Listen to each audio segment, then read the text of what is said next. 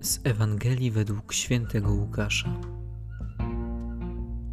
Jezus wszedł do świątyni i zaczął wyrzucać sprzedających w niej.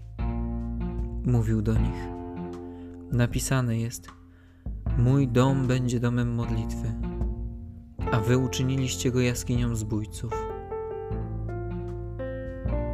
I nauczał codziennie w świątyni lecz arcykapłani i uczeni w piśmie oraz przywódcy ludu czyhali na jego życie. Tylko nie wiedzieli, co by mogli uczynić, cały lud bowiem słuchał go z zapartym tchem.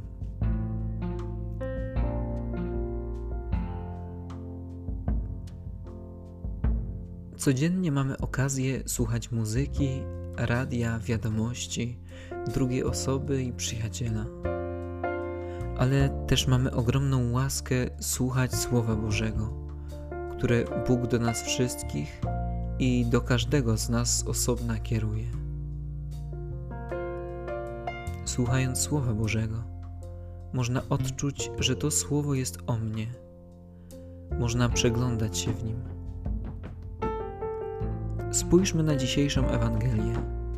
Zobaczmy, jaką ogromną moc ma Słowo Jezusa skoro jak czytamy, cały lud bowiem słuchał go z zapartym tchem. Sięgnijmy teraz pamięcią do chwil naszego życia i spójrzmy, jaką ono ma wartość. Zapewne niejednokrotnie Słowo Boże umocniło nas, gdy byliśmy rozchwiani, pocieszyło nas, gdy byliśmy smutni, dało nam światło, gdy szukaliśmy Dało nam odpowiedź, gdy pytaliśmy. Dało nam siły, abyśmy mogli postawić kolejny ważny krok w życiu. Sprowadziło nas z powrotem na właściwą ścieżkę, gdy błądziliśmy. Słowo Boże ma ogromną moc przemiany naszych serc. Ono rozbija głaz zatwardziałości, usuwa obojętność sprawia, że my prawdziwie żyjemy, a nie wegetujemy. Zauważmy, ile Słowo Boże daje nam łaski. Lecz to od nas zależy, czy pozwolimy Słowu Bożemu dać się przemienić.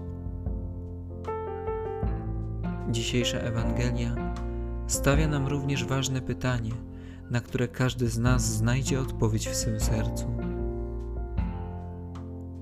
Odpowiedz sobie szczerze na te pytania, stając w prawdzie z samym sobą. Czy faktycznie słucham Słowa Bożego, czy tylko je słyszę? Czy to Słowo, którym mam łaskę codziennie karmić się, przemienia moje serce, czy tylko obija się o moje uszy? I zadajmy sobie jeszcze jedno pytanie czy ja w ogóle chcę, aby to słowo mnie przemieniło?